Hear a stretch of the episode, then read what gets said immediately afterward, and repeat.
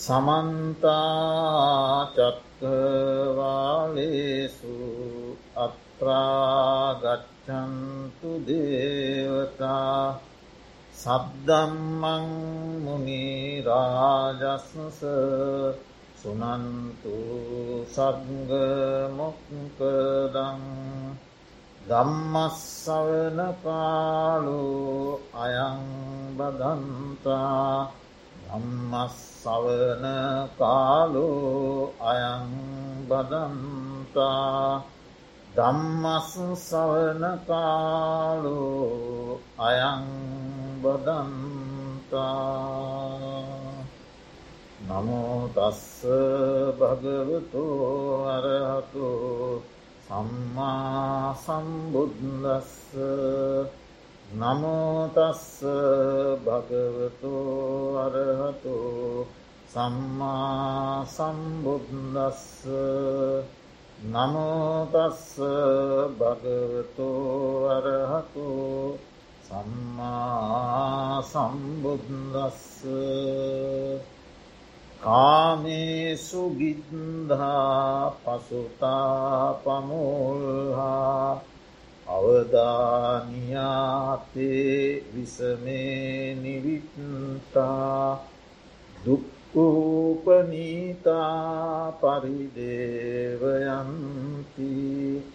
කින්සු භවිසසාම හිතෝචුතාසේති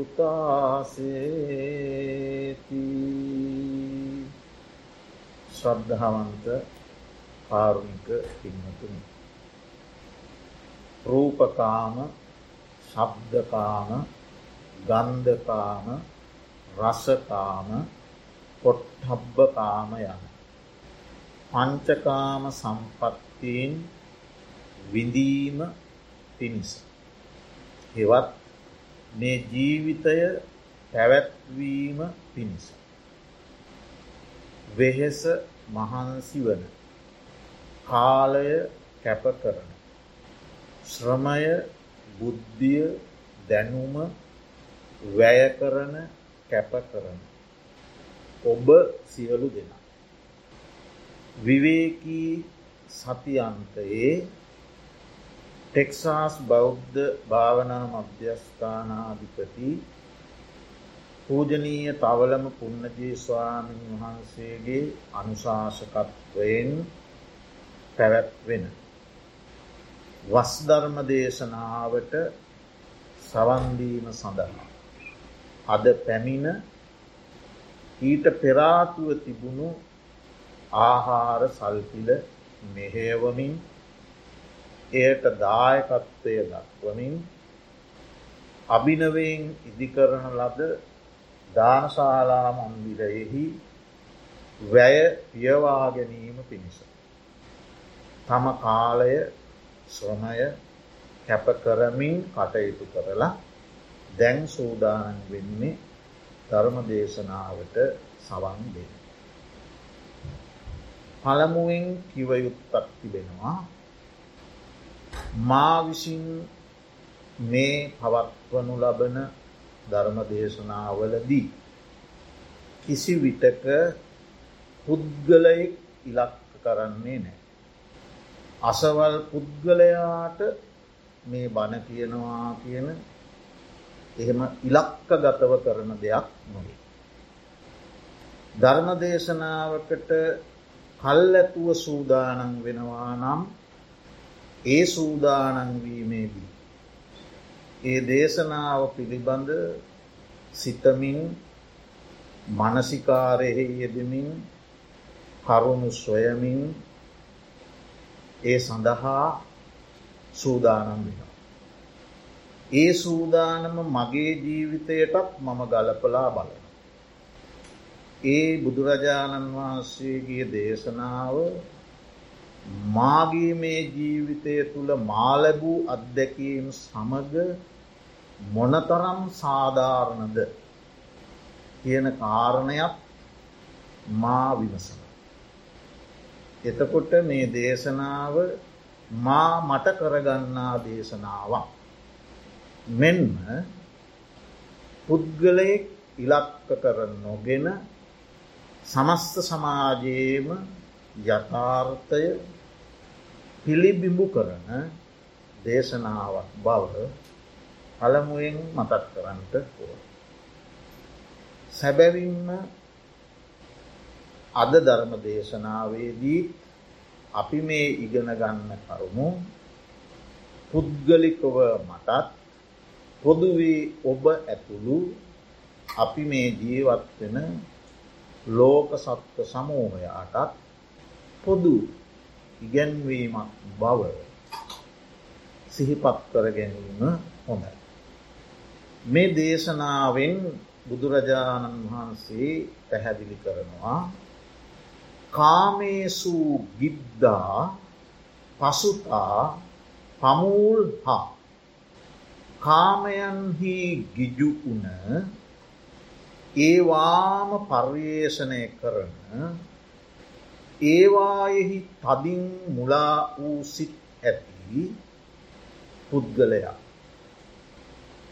බුද්ධාදී උතුමන් වහන්සේලාගේ අවවාද නොගන්නේ එක්කො ගන්න නෑ නැත්තම් වැරදිවලා. අවවාද නොගන්නේ. වැරදි සහගත වූ කායික ක්‍රියාවන් වාචසික ක්‍රියාවන් සහ මානසික ක්‍රියාවන්. එවත් කය වචන සිත වරදවා පිහිටවා ගන්නේ. ජරාව්‍යාදී මරණ දුකට පැමිණ වයස්ගතව දිරාපත් වෙලා ලෙඩරෝග හැදිලා මරණය සමීපයට පැමිණිලා හඬනවා වැලපෙන. අහෝ මින් පසු මගේ ජීවිතයට කුමක් වේවිද කිය. ඔය තමා මේ ගාථාවේ සරල අදහස. එතකොට දැන් අපි මේක විග්‍රහ කරගන්න බලමු පදගත අර්ථ එක්කෙක් පදයක් වචනයක් පාස. කාමේසු ගිද්ධා පසුතා පමුල්හා. කාමයන් හිගිජු වූ. එතකොට කාම කිව්වම ප්‍රධාන වශයෙන් කොටස් දෙහෙකට බෙදේ. වත්තුකාම ක්ලේෂකාම. වත්තුකාම කියලා කියන්නේ අපේ හිත්වල මනාප බව කැමැත්ත රාගය තෘෂ්ණාව ඇල්ම බැඳීම ඇතිවීම සඳහා හේතුවන දේවල්. ඒවට කියෙන වස්තුකාම. වස්තු සම්ප.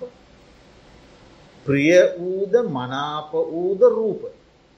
එව වස්තුකාම. ප්‍රිය වූද මනාප වූද සබ්ද ප්‍රිය වූද මනාප වූද සුවඳ. ප්‍රිය වූද මනාප වූද රස. ප්‍රිය වූද මනාප වූද ශරීරයට දැනෙන ස්පර්ශ. ඔය පහ. මේ මුළු මහත් ලෝකයේම තියෙන ගොඩවල් පහ.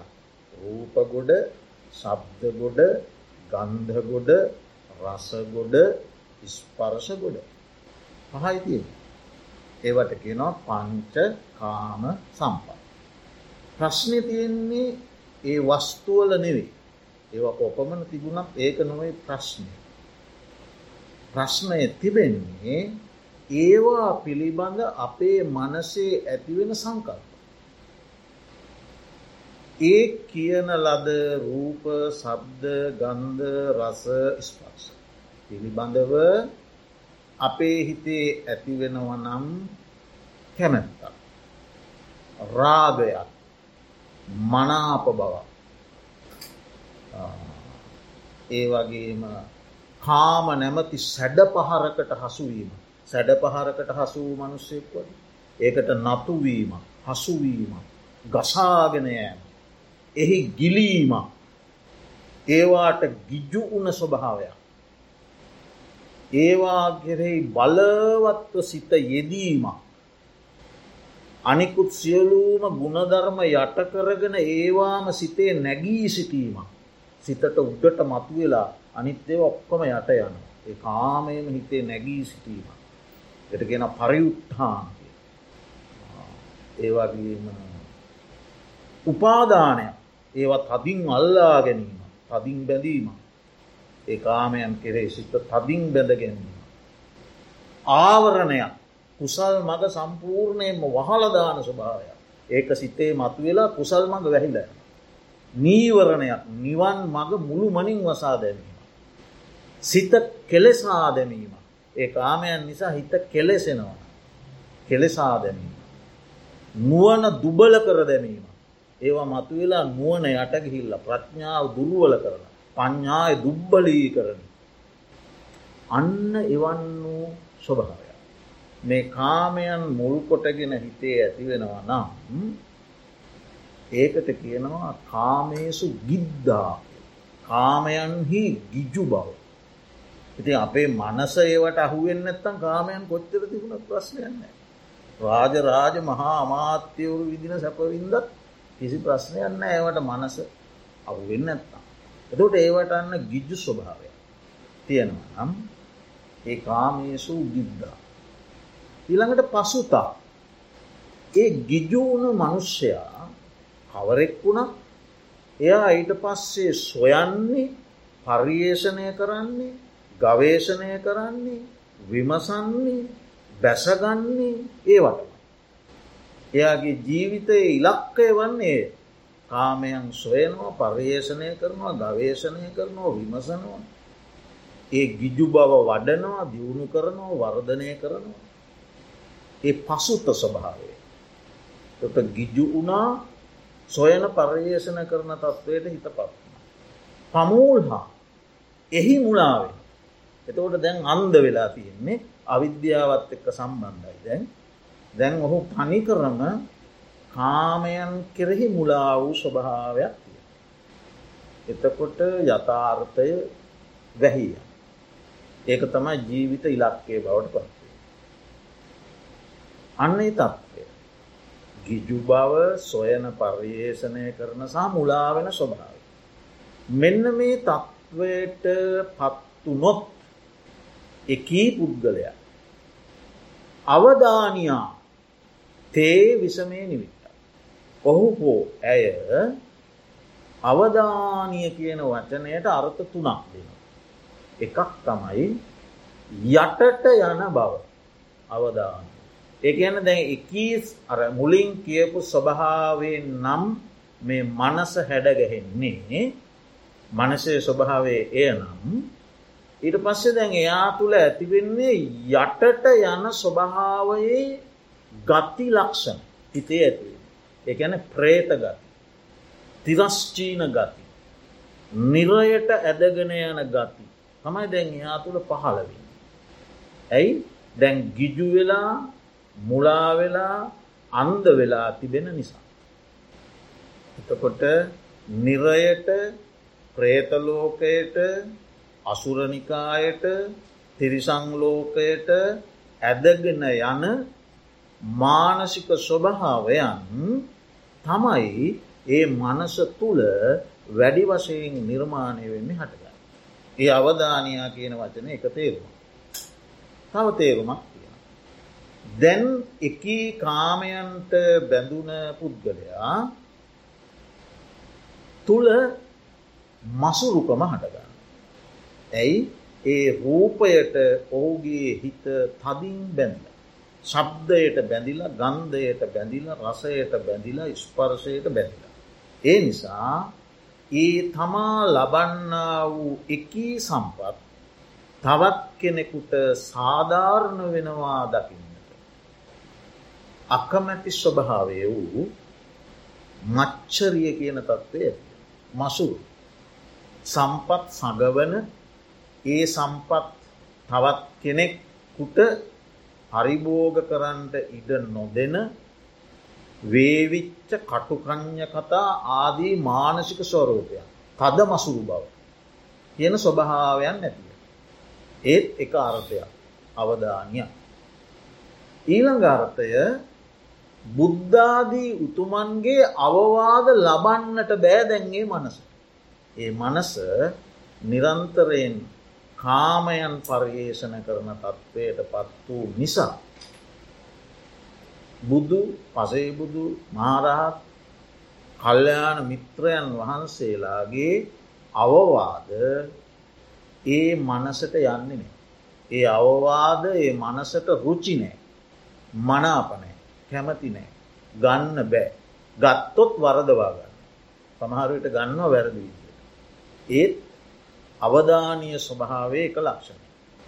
දැන්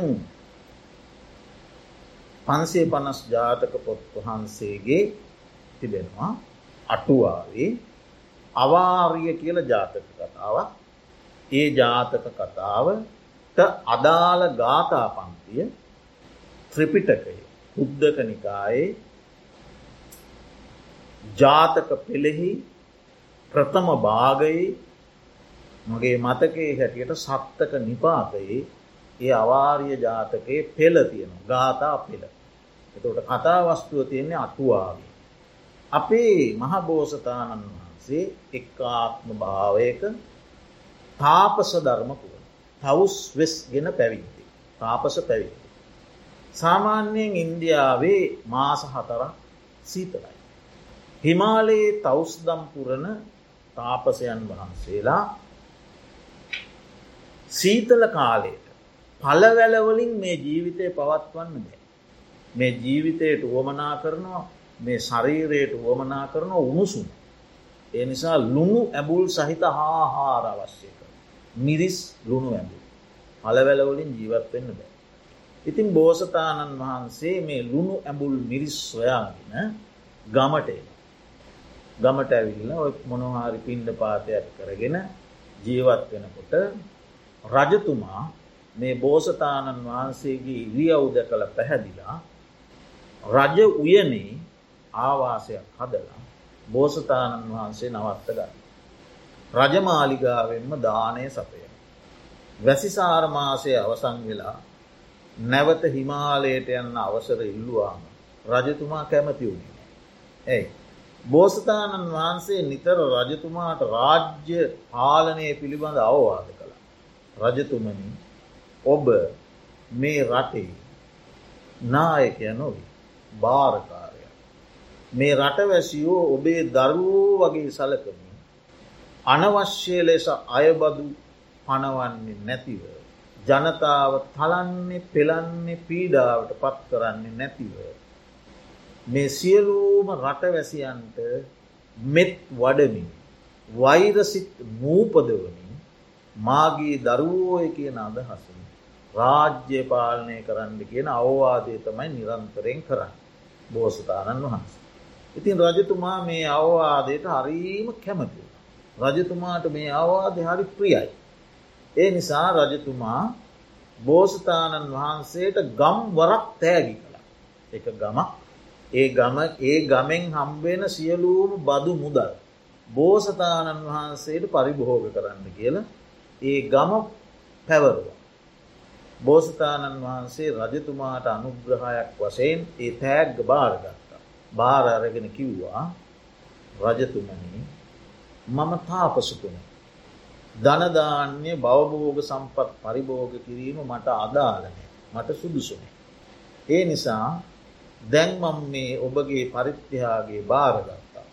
මේ පරිත්‍යයාගේ ඔබම නැවත භාර අරගෙන ඒ ප්‍රදේශයේ ජනතාවටත් මං මුලින් කිව් ආකාරයට මගේ දරුවෝය කියන අදහසින් මෛත්‍රිය වඩමින් පාලනය කරන්න කියලා ආපහුේ ගම් වර රජතුමාටම බාරග. ඉතින් පසුව යන්න අවසර ඉල්ලවාම ලැබුණ. නමුත් බෝසතාණන් වහන්සේ රජතුමාට නොදන්වා හිමාලයට වඩින්න පිටත්. ඉතින් ඒ ගමනේදී උන්වහන්සේට එතර වෙන්න තියෙනවා එක්තරා ගඟකි. වර්ෂාව කාලි මාස කීපයක් එක දිගට වැහැල ගඟ පිරීතිරී යනවා. එතන ඉන්නවා අවාරිය පිතු කියලා තොටියේ. ඒ තොටිය ටිකක් මෝඩයි. මිනිස්සු ගඟින් එතර වෙන්න ආවම සමහර මිනිසු සල්ලි දීලය. සමහර මිනිසු බැනලෑ. සමහන මිනිසු සොච්චමක් දීලය. ඉතින් මේ මේක ගැන තොටියක් කිපිලා හිටිය. බොහොම කේන්තියෙන් හිටිය. ඉතින් බෝසතාණන් වහන්සේ එතෙන්ටාවම මේ තොටියට කිව්වා පින්වත මම තාපසතුනේ මම හිමාලයට යන්න ඕනේ මාව ගගින් එතර කරන්න කියලා. ගගින් එතර කරන්න පුළුවන් මට මොනවද දෙන්නේ. මං ඔබට වටිනා අනුශාසනාවක් කරන්න. මේ තොටියා අනුශාසනා කියන වචන දන්නෙත් නෑ. එයා හිතුව බොහොම වටින තෑග්ගක් පින්ඩ ඇති කියලා බෝසතාණන් වහන්සේ එතර කළා. එතර කරලා තෑග්ගේ ඉල්ලවාම රජතුමාට දුන්න අවවාදයම දුන්න. ඔබ මිනිස්සු ගඟින් එතරවෙන්ට ආවම එතර වෙනකොට එන්න සිත වෙනස්. එතර උනැම් පස්සෙ තියෙන සිත වෙනස්. ද මුලින් තිබ්බ හිත නෙමේ එතරුණට පස්සෙ තියෙන හිත දැම් වෙනස්. ඒ නිසා එතරවෙන්ට කලින් ගනු දෙනු කතා කරලා ඒව ඉල්ලගන්න. හරි මිනිස්සු කියන්නේ වෙනස් වෙන පිරිසක්. ඒව පස්සේ ඉල්ලන්න බලංගින් එපා. ඒවගේම ඔබ කරන්නේ අනතුරුදායක රැකියාව. කිසි කෙනෙක් එක්ක අමනාප වෙන්න එපා හතුරු සිත් ඇති කරගන්න එපා සියලු දෙනාටම මෙත් වඩමින් අර රජතුමාට කිව්ව වගේම මෛත්‍රී සහගතව හැම දෙනා එක්කම සුහදත්වයෙන් කටයුතු කර කියලා ඕවාද කර. තොටිය කිපුණා මේකද මට දෙනවයි කිව්වේ කියලා ගැව්ව බෝසතාන. ගහනකොට තොටියගේ බිරිඳ ගැබ් අරගෙන හිටි දරුවෙක් ලැබෙන. තොටියගේ දවල් බත්පි ගානත් අරගෙන එතෙන් දාව. එතකොට තොටිය බෝසතාණන් වහන්සට ගහන්. බිරිඳ කිව්වා පෝ මේ මනුස්සය මහා කුසලයක් කරගන්න ඔය රජතුමාගේ වියනේ හිටපු තාපසතුමානයද මහා සිල්වත් තාපසතුමේ එතුමාට කරදර කරන්න එපා කියලා බිරිඳ තොටියාට අවවාද කර. අවවාද කරනකොට බිරිඳ පිළිබඳවත් තොටිය කිපුණ. බත්පිගානු ගුරුලා ගත්ත ගැහ්ව පොඩ. පාපාරක් ගැහ්වා තමන්ගේ බිරිඳට. පාපහාර කුසයට වැදුනා දරුව හරස්ව. එතනම ක්ලාන්තය හැදිල අර ගැබිනි මාතාව ඇදගෙන වැට. එයින් දරුවයි මවයි දෙන්නම මිය. ති එතන එතනට එකතුන මිනිස්සු මේ තොටිය අල්ලලා රජතුමාට භාග. රජතුමා ඔහුට මරණීය දණ්ඩනේ නියම කළ. තකොට එතනින් බෝසතාණන් වහන්සේ උගන්නනවා මම රජතුමාට අවවාද කළ අනුශාසනා කළ. ඒ අනුශාසනාව නිවැරදිව තේරුම් ගත්ත රජතුමා මට ගම් වරක් තෑගි කළ. මට මාස තුනක් උපස්ථාන කරලා බොහෝ පින් සිද්ධ කරග. ඒ අවවාදයම මම මෝඩ තොටියාට දුන්න. තොටියා මට පහරදී අකුසල් කරග. බත්තිගානත් පොළොවේ ගැවි. බිනිදත් මරා තමන්ද මැරී තම කුසේ බිරිඳගේ කුසේයින් තමන්ටදාව උපන් දරුවාද මරාගත්තා. තමනුත් විනාස වුණා. එතකොට එකම අවවාදය කෙනෙක් යහපත් පැත්තට ගත්තා කෙනෙක් අයහපත පිණිස ගත්තා. වනාන්තරයේ මූ ඇවිදගෙන යනවා ඒ වනාන්තරයේම මැනික් තියෙන. හැබැයි මුවෙකුට මැනික්වලින් ප්‍රයෝජන ලබන්න බෑ. ඒ වගේ මේ මෝඩ තාපසතුමාට ප්‍රයෝජනයක් ගන්න බැරි වුණා මේ අවවාදේ. ඉතිං මෙන්න මේ වගේ මේ කාමයන්ම පර්යේෂණය කරන ඒටම ගිජු වූ එයින්ම මුලා වූ තත්ත්වයට මේ සිත පත් වනාම ඔබට වේවා මට වේවා අවවාදය කියන එක අනුශාසනාව කියන එක මනසට යන්නේ නෑ. ඒක නිවැරදිව ග්‍රහණය කරගන්න බෑ. ඒම ස්වභාවයක් තිය. ඒක කාගේවත් වරදක් නෙමේ. ඒ කාමයන්ට ගිජුවීමෙන් මනසේ ඇතිවෙන ස්වභාවයක්. පුද්ගල දෝෂයක් නෙමේ. අන්න ඒකයි මේ අවධානයා කියන වචනින් උගන්වන්න. එතකොට යටට යන සුළු. ඒවගේම මසුරු බව ඇතිවන සුළු. ඒවගේම අවවාද අනුශාසනාවලට හිත ඉඩ නොදෙන සුළු තත්ත්වයට පත්වෙන. අවධානිය. තේ විසමේ නිමිත්තා. ඒ නිසා ඔහු. එකී කාරණා නිමිති කරගෙන විෂම කාය කර්ම විෂම වචී කර්ම විෂම මනෝ කර්මයන්ට යොම්ය. එකයන්නේ කයින් කරන ක්‍රියා කතා කරන වචන සහ හිතේ හටගන්නා සිතුවිලි ඔක්කොම විෂම ස්වභාවයට පත්ව. ඒවා තමන්ට හෝ සමාජයට හෝ මෙලවට හෝ පරලොවට හෝ යහපත පිණිස පවතින යහගුණ වඩන කර්ම වෙන්නේ නෑ. ඒ වගේ අයහපත අවැඩ අනර්ථය මෙලෝ වසයනු පරලෝ වසයනු ඇති කරනු ලබ. ඒ විශ්වම ක්‍රියා නිසා. දැන් ඔන්න ඔය තත්ත්වය. එතකොට දැන් අපි කරුණු තුනයි කතා කළ. කාමයන්නේ ගිජු වුණා ඒවාම සොයනවා පර්යේෂණ කරනවා මුලාව. අවධානය ස්වභාවයට පත් වුණ අවවාද ගන්නේ නෑ යටට නැමුණ සුළුයි මසුරු. වැරදි ක්‍රියාවලේද විෂම ක්‍රියා. එකී මිනිසා කවුරු ඒවා. දුක්කූපනීතා පරිදේවයන්ති කින්සු භවිස්සාම ඉතෝ චුතාසේ දුක්කූපනීත දුක්කිත තත්ත්වයට පත්වනැම් පස්සේ හඬනවා වැලපෙනවා හිස අත බදාගෙන හඬනවා කඳුළු පෙරනවා පපුුවට ලයට අතින් පහර දෙමින් හඬනවා දුක්වේ. කියන්සු භවිස්සාම ඉතෝතුතාසි.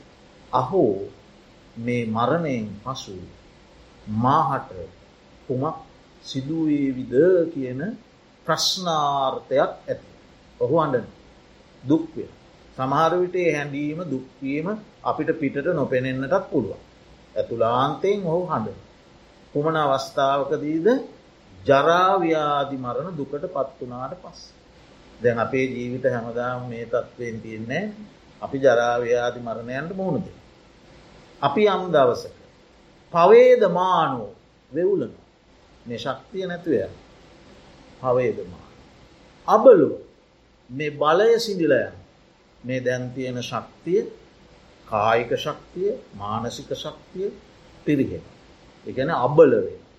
සදා දණ්ඩ පරායනෝ යම් විටක හැමෝටම වෙන්න පුළුවන් සැරයිටියක් අතට ගණ්ඩ වෙන.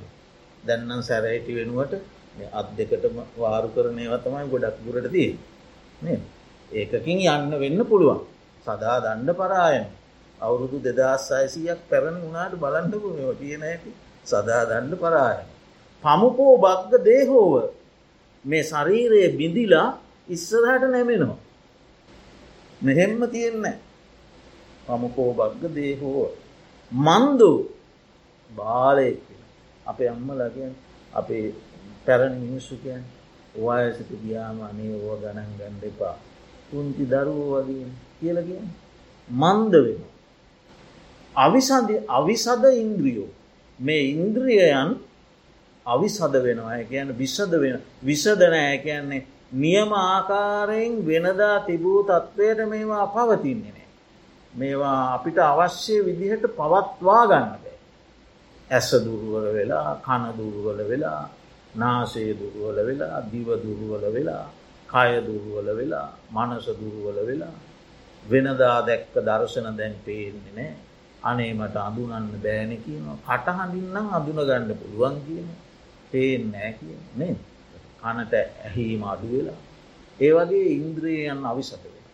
ඉති ඒ තත්ත්වයට පත්වනාම අරවාම පර්යේෂණය කරමින් හිටියොත් ගිජු වෙලා සොයමින් වෙහෙසමින් පර්යේෂණය කරමින් මුලාවෙමින් ජීවිතය යනු ඒමය ඒටම බැසගෙන මසුරුවමින් අවවාද අනුශාසනා නුහුරට ගනිමින් නොපිළිගනිමින් විශ්ෂමක්‍රියාවල යෙදී සිටිය හොත් අර තත්ත්වයට පත් වනා දැ මුලින් කිව්වක් තත්ත්වයට පත් වනාම එයාට උරුම වෙන්නේ හැඩීම වැලතීම තම පරිහීනෝ සතාදීහි සිහිය ආදිය මෙවා හැමදාම තියන්න මේ දැම් මේ බණපොතක් බලලා මේ මෙහෙට මෙහට නොෙක් ආකාරයෙන් හිතල මේ ධර්මය දේශනා කරන්න මේවා තියෙන්න හැමදා මේවා පිරිහිලා යන මොකක්කත් මතක අපි එහෙම ස්වාමීන් වහන්සේලා දැකලා මතක නැහැ.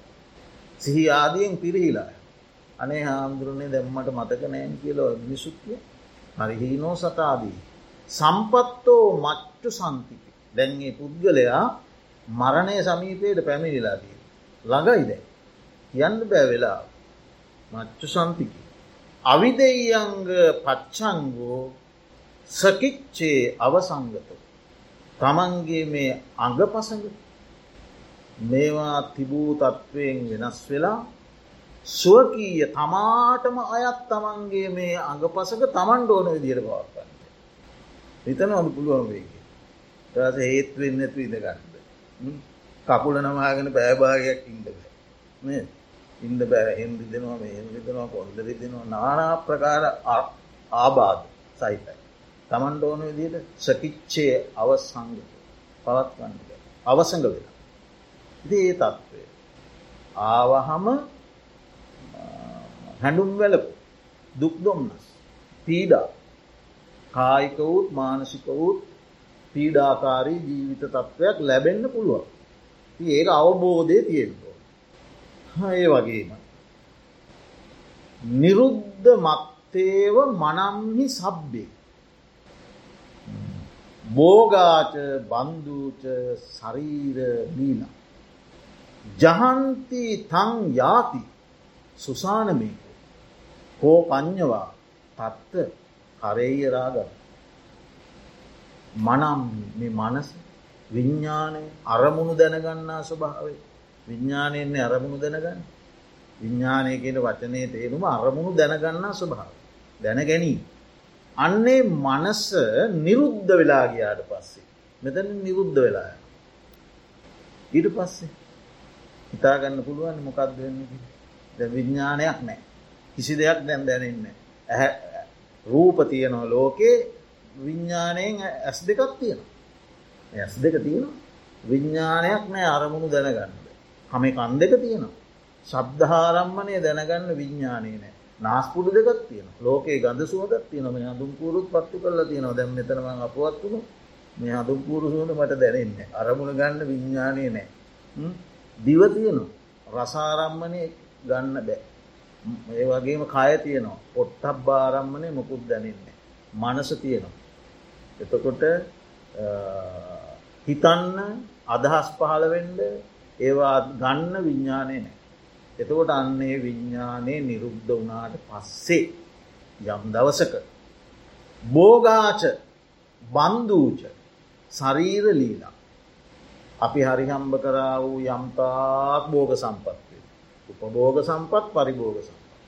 පරිදූරේකත්වා පරිභෝග. දුර තබාගෙන පරිභෝග කරන සම්පත්තියනවන අපිට.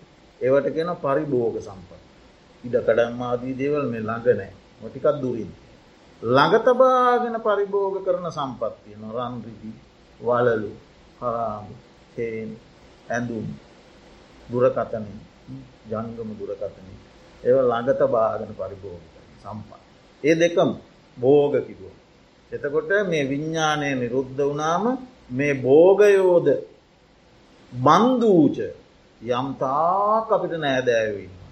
අම්මා තාත්තා ලොකුවම්මලා ඒ පාර්ශවය අය නැන්දලා මාමලා තාත්තලාගේ තාත්තලාගේ පාර්ශවය අය අම්මගේ පාර්ශවය අය ඊළඟට තව දවාදරූ යම්තාක් බන්ධූ ඥාතිීන් ඉන්නවන ඒ හැම දෙනවා. ශරීර ලීලා මේ ශරීරයේ තියෙන ස්වභාවයන් තියෙනවන. අංග පසඟ අතපාය හරවන හැටි එක එක්කනාගේ එක ඒක ස්වභාවයන් නේ හැමෝගේම එක වගේ නෑ එක එක්කනාගේ ගමන බිමන විලාසය කතා බහ කරන විලාසය රූප සම්පත්තිය ඒවා පරිහරණය කරන විලාසය කෙස් කළඹ පවත්වන විලාසය මේ ශරීර විලාස ඒවා ඔක්කොමාහිමීම හරි විඤ්ඥානය නිරුද්ධ වනාට පස්සේ බෝගත් අහිමි වෙනවා නෑදෑයුත් අහිමි වෙනවා ශරීර විලාසය මුත්සිියල්ල හිමෙන. ජහන්තිතං යාති සුසානමය ඊට පස්සේ හුද කලාව එකලාව තනිව කාත් කවුරුවත් නැති කිස්සි කෙනෙක් නැති හුද්ද කලාව සොහොනට ගෙනියනවා. ඇත්තද බොරුද? හුද කලාම රය කිසි කෙනෙක් නෑ කෝ පං්ඥවා තත්හ කරෙයිරාගන්න ප්‍රඥාවන්ත කවරෙක් මෙවන් ලෝකයෙහි මේ ස්කන්දයන් කෙරෙහි ඇලුම් කරන්නේ? තවම ඒ තත්ත්වයට අපි දියුණු නැතිවෙන්න පුළුව නේද? කෝ පඥ්ඥවා තත්ත කරෙයි රාග. ප්‍රඥාවන්ත කවරෙක් මෙබඳු ශරීරෙහි ඇලුම් කරන්නේද කියල මේ ගාථාවහන්නේ කවුද? දඹ දෙන යුගයේ මීට අවුරුදු හයසීයකට උඩදී ජීවත්වන මහා පණ්ඩිවර ස්වාමීන් වහන්සේ හිස්තුපූරුව එක්දා සාර්සය ගනන්වල ලියවුණු ගාථාව. මටනං අද ලියවෙන ගීතයකට වඩා මේ කියා දෙන ජීවිත කතාව උන්වහන්සේ අනමට දකිින්ඩ ලැබුන්නම් කියලෙක. පුදුම ජීවිත කතාවක්න මේ ගාථාවෙන් කිය මේ එක ගාථාවක් මේ උන්වහන්සේ ලියලති. දහස් ගණන් ගාථා රචනා කර මහා පඩිවරේ ස්වාමීන් වහන්ස. එතකොට අපි අද මාතෘකා කළ මේ ගාථා ධර්මයෙන් උගන්වන්නේ එහෙමනං කුමක්. අපි ජීවත්වෙන්ට අවශ්‍ය. ජීවත්වීමේදී අපිට අවශ්‍ය කරනවා ඇඳුම් පැළඳුම් කෑම බීම ඉන්න හිටින්න නිවාස යාන වාහන දවා දරුවන්ගේ අනාගත අභිවෘද්ධිය සැලසීම් අම්මා තාත්තා සහෝදර සහෝදරියන්ට සැලකීම් සංග්‍රහ කිරීම යුතුකම් ඉටු කිරීම ආදී කී නොකී විශාල වගකීම් සම්භාරයක් මනුෂ්‍යයන් වසයෙන් අපට වැටිල තියෙනවා පැවරිලාති. මවක් වසයෙන් පියෙක් වසයෙන් සහෝදරයෙක් වසයෙන් සහෝදරියක් වසයෙන් බිරිදක් වසයෙන් ස්වාම්පුරුෂයෙක් වසයෙන් හිතවතෙක් මිත්‍රයෙක් වසයෙන් දායකයෙක් වසයෙන් පැවිද්දෙක් වස. අපිට පැවරිල්ලා තියෙනවා විශාල වගකීම් සඳ. ඒවා ඉටු කිරීම උද්දෙසා සහ අපේ ජීවිත පැවැත්ම උදෙසා අපි හරිහම්බ කරන්න ඕන වෙහෙස මහන්සි වෙන්න ඕන උපයන්න ඕන. ඒ වගේ කාල බීල ඇඳලා ජීවත්වෙන්ට ඕ ඒකේ කිසිදු වරදක් නෑ ඒ ඕනෑම සිහි නුවන ඇති මනුස්සයකුට පේනවා ඇක කිසිදු වරදක් නෑ හැබැයි ජීවිතය යනු ඒමය ජීවිතය යනු ඒ කාම බෝගී ජීවිත පැවැත්ම පමණක්මය යන භෞතිකවාදී දෘෂ්ටිකෝණයට යම් කෙනෙක් වැටු නොත් ඒක නම් හොඳ දෙයක් නේ. ඒ නිසා අර මුලින්කී වගකීම් යුතුකම් සහ තම ජීවිත පැවැත්ම ඉටු කරන ගමන් ජීවිතය යනු සිතකාය දෙකෙහි එකතුවකි මේ කැඩී බිඳී විනාශවී පළුදුවී කුණුවී යන කයට වඩා සිතෙහි පැවැත්ම සිතෙහි දියුණුව වටින්නේය කියන අවබෝධ ඇතිකර ගැනීම වටි. ඒ හැබැයි ඔය කියන තරම් පහසු නොවෙන්න පුළුව. ඒ සිත දියුණු කිරීම කියන කාරණ. සිත ගැන නොසිතන කෙනෙකුට නිකං කාලබීල ඇඳල ඔය ඉන්න කෙනෙකුට සිත දියුණු කරන එක අමාරුයි කියලා නොතේරෙන්ටක් පුළුවන් එයාට සයා සිත ගැන හිතන්නේ එයාට ප්‍රශ්නයන්න ඇති. එයාව මොනහරි කෑව බියූ ඔය හිටිය එච්තරයි. ඒ සිත ගැන හිතන්ඩ කිය මනුස්සයකුට තමයි තේරෙන්නේ මේක මේ එක තැනක තියන්න බොහොම මාරු දෙයක්. මේ තියන්ට හදනකොට මේ පනින පන්දනන් චපලන් චිත්තන් දුරත්කම් දුන්නි වාරයන් උජුම් කරෝති මේදාවී බුදුරජාණන් වහන්සේම දේශනා කළ මේක බොහොම සෙලවෙන චපල දුර යන ආවරණය කරන්නට අහි අමාරු හැම මොහොතකම පනින ස්වභාවයෙන් යුක්ත දෙයක්. හැබැයි මේ දේ එකග කරන්න පුළුවන් සංවර කරන්න පුළුවන් සංවර කළොත් දමනය කළොත් ආරක්ෂා කළොත් ගෝපනය කළොත් මෙය මේ ලෝකයේ තියෙන සැපයන් අතර අපිට හිතාගන්නටවත් බැරි මහත්ම සැප වූ අමාමහා නිර්වාණ සම්පත්තිය පවා සලසා දෙන තත්ත්වයට දියුණු කරන්න පුළුවන් දෙයක් මේ සිත. නමුත් එය කියන තරන් පහසු නෑ. අමා. නමුත් අපි අවබෝධ කරගෙනවත් තියෙන්ට ඕන යටත් පිරිසයින් මේ ජීවිතය වනාහි චිත්ත චෛතසික රූප යන තුනෙහි එකතුව. ඒක ඇන්නක මේ ජීවිතයේ තියෙනවා සිතක්. ඒ සිතේ පහන වෙනවා සිතුවිලි. ඊට අමතරව කෙස්ලොන් නිය දත්තාදීන් සැදනු භෞතික ශරීරයක්. ඔය තුනට තමයි මිනිසා කියල කිය. තිරිසනා කියල කියන්නෙත් ඔය තුනට තම. සිත සිතුවිලි සහ භෞතික කය.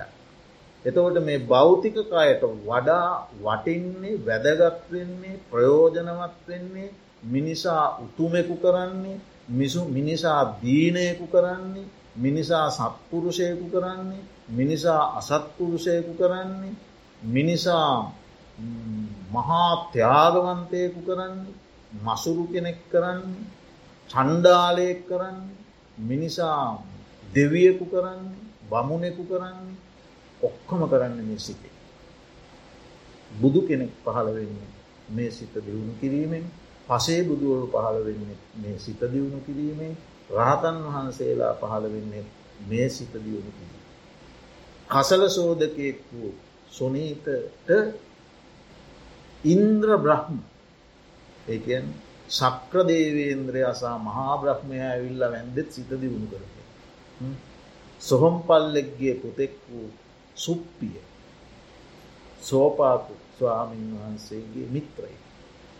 එයාට දෙවිවරු ඇවිල්ල වැන්දෙත් හිත දියුණු කරපු නිසා.